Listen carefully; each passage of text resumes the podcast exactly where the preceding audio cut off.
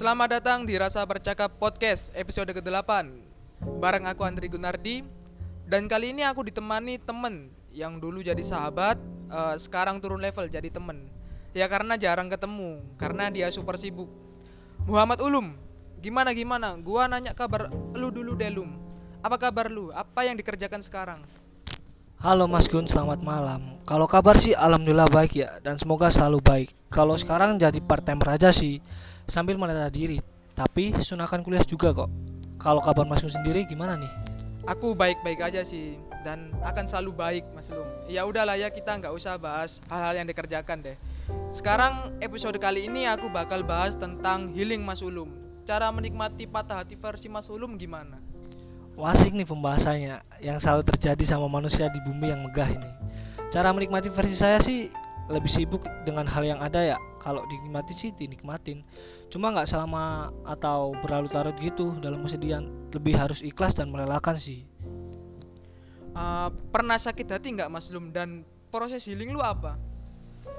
Kalau sakit hati jelas pernah, tapi kalau proses healing itu sewajarnya aja ya, kayak melakukan kegiatan positif, introspeksi diri, terus fun sama teman. Fase galau pasti ada. Cuma dari aku alhamdulillah bisa mendapatkan diri, gak boleh buat masa terus-terusan untuk larut dalam kesedihan. Justru pada hati itu perlu loh Mas Gun, agar kita tahu tingkat dewasaan kita sampai di mana. Ya bener sih itu sih. Tapi ada nggak sih uh, proses ketika lu healing, uh, tapi juga mengobati masalahnya nih? Lu nggak lari dari masalahnya? Jujur pernah sih. Cuma saya sampai sini sadar buat apa kita lari dari masalah gitu loh. Kalau kita tahu pasti bakalan datang lagi, ada lagi. Jadi gimana pun, apa pun, aku kamu kalian yang mendengarkan podcast ini semua harus siap dan hadapi sebisa mungkin. Karena sebaik apa pun kalian menjaga atau mempertahankan, kalau hancur bakalan hancur.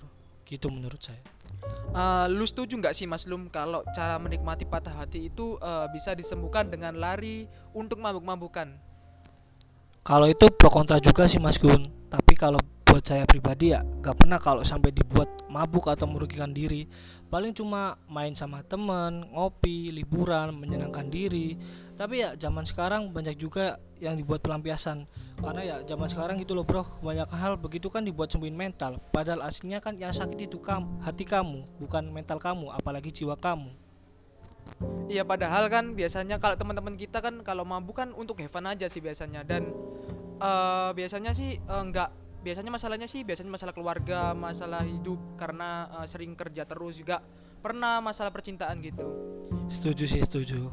soalnya malah kalau uh, ketika lu patah hati malah lu buat mabuk-mabukan lu malah uh, menyembuhkan diri lu tambah malah lu merusak diri lu sendiri gitu loh Bener banget. Apalagi kan yang sakit itu hati kamu. Ngapain kamu menyakiti diri kamu berlebih-lebih? Lah patah hati sewajarnya tapi jangan sampai bodoh. Nah, ah sekarang gini Mas Lum, Ah, lu percaya nggak sih kalau me time itu adalah cara untuk menikmati patah hati? Setuju banget. Apalagi kalau jiwa-jiwa introvert gitu ya. Justru me time itu perlu loh agar kita bisa nenangin diri juga. Even kita juga akan tahu hal-hal kecil yang salah dari diri kita. Percaya deh, orang sakit hati awal-awal pasti muak sama dunia. Bukan begitu Mas Gun? Bener bener banget biasanya sih orang introvert sih yang biasanya yang gitu. Coba deh lakuin hal yang bikin diri sendiri bahagia dulu. Hilangin dar hilangin dan hindari untuk ngelakuin overthinking yang berlebihan. Itu justru buat kalian makin terpuruk. Tapi pernah nggak sih Mas Ulum me time sendiri pernah nggak? Kalau itu jujur pernah ya. Kalau buat jalan-jalan sendiri gitu, naik sepeda terus kayak muter-muter kota gitu. Paling ya cuma gitu-gitu aja sih Mas Gun. Gak sampai kalau keluar ke mall gitu sendiri gak, gak mungkin ya. Dikira nanti seperti apa. Oke oke itu aja sih. Eh, ini gua ada sumber dari EDN Times tentang 5 cara menikmati patah hati. Kita komentarin aja ya Mas Ulum. Eh, setuju atau enggaknya gitu. Ah, pertama, kamu punya banyak waktu luang untuk melakukan kegiatan positif.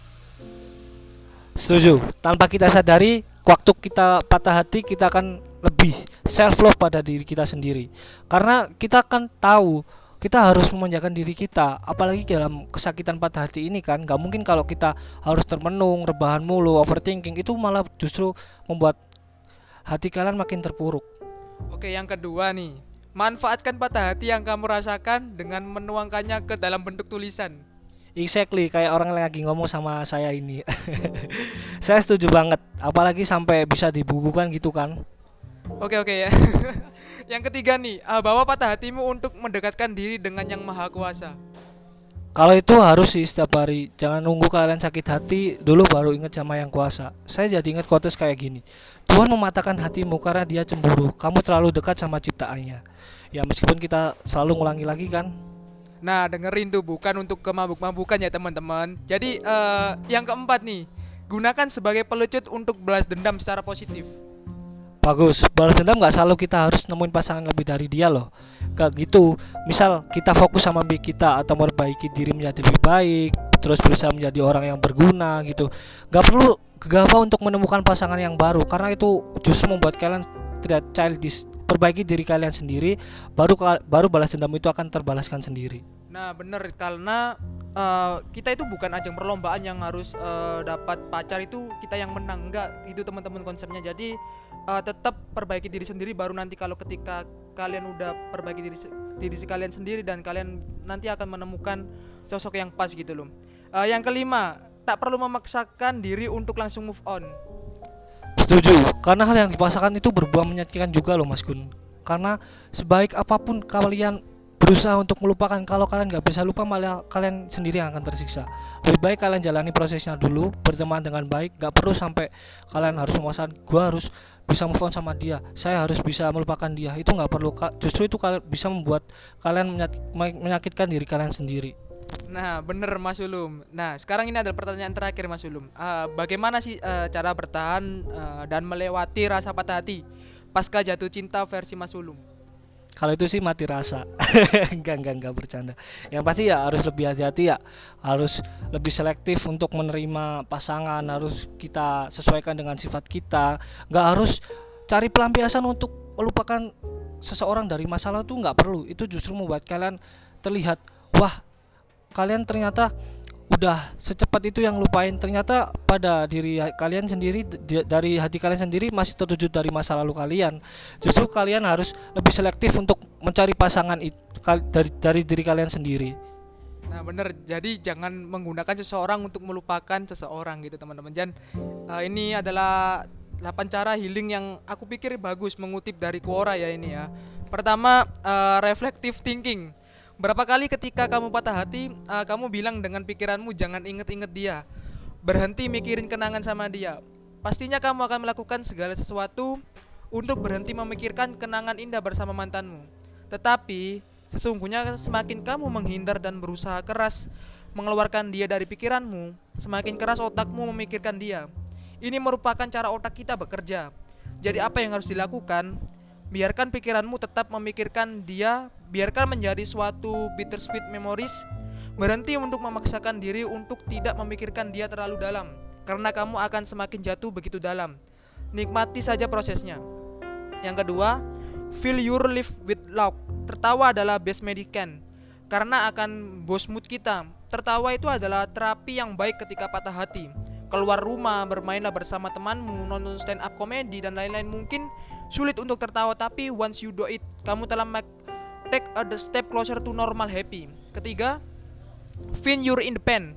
Pastinya setelah kita patah hati, kita merasa hampa, kosong, dan merasa nggak sanggup untuk melakukan apa pun sendiri. Yang salah, cari pacar lagi deh di Tinder. Mungkin bagi sebagian orang ini efektif, tapi ini akan membuatmu manja. Kamu tidak akan bisa sendiri ketika kamu single, ini adalah waktunya kamu untuk love yourself. Aktif dan keluarlah, cari jati dirimu, apa yang kamu suka, apa yang kamu mau, bisa kamu lakukan sendiri. Do it for yourself. 4. Avoid social media. Abis patah hati, boring kan mau ngapain pastinya. Kamu cuma scroll Instagram, Facebook, Twitter, atau WhatsApp, bahkan ada yang stalk mantan di sosmed apa yang dia lakukan kesehariannya it's very wrong and unhealthy. Berhentilah sejenak dari sosmed. Ini akan hanya akan membuat kamu frustasi dan anxiety. Uninstall sosmed sejenak bukan berarti tidak boleh main lagi tapi setelah kamu bisa melewati the heartbreak baru kembali ke sosial media. Yang kelima mutual understanding. Cari teman yang senasib denganmu. Setelah kamu patah hati jika kamu cerita ke saudaramu atau keluargamu yang tidak disalahkan, tapi mereka ya udah aja malah terkesan sedih atau piti ke kamu dan membuat dirimu lebih tidak nyaman. Lebih baik cari temanmu yang sedang mengalami itu atau pernah melewati itu. Pastinya dia bisa memberikanmu motivasi dan dia tahu apa yang sedang kamu lalui. 6. Don't blame, jangan salahkan dirimu. Jangan salahkan mantanmu, jangan salahkan waktu. Jangan habiskan waktu untuk mencari alasan siapa yang salah atas terjadinya ini semua. Tetapi terkadang relationship itu memang will be end. Semua akan berakhir. 7.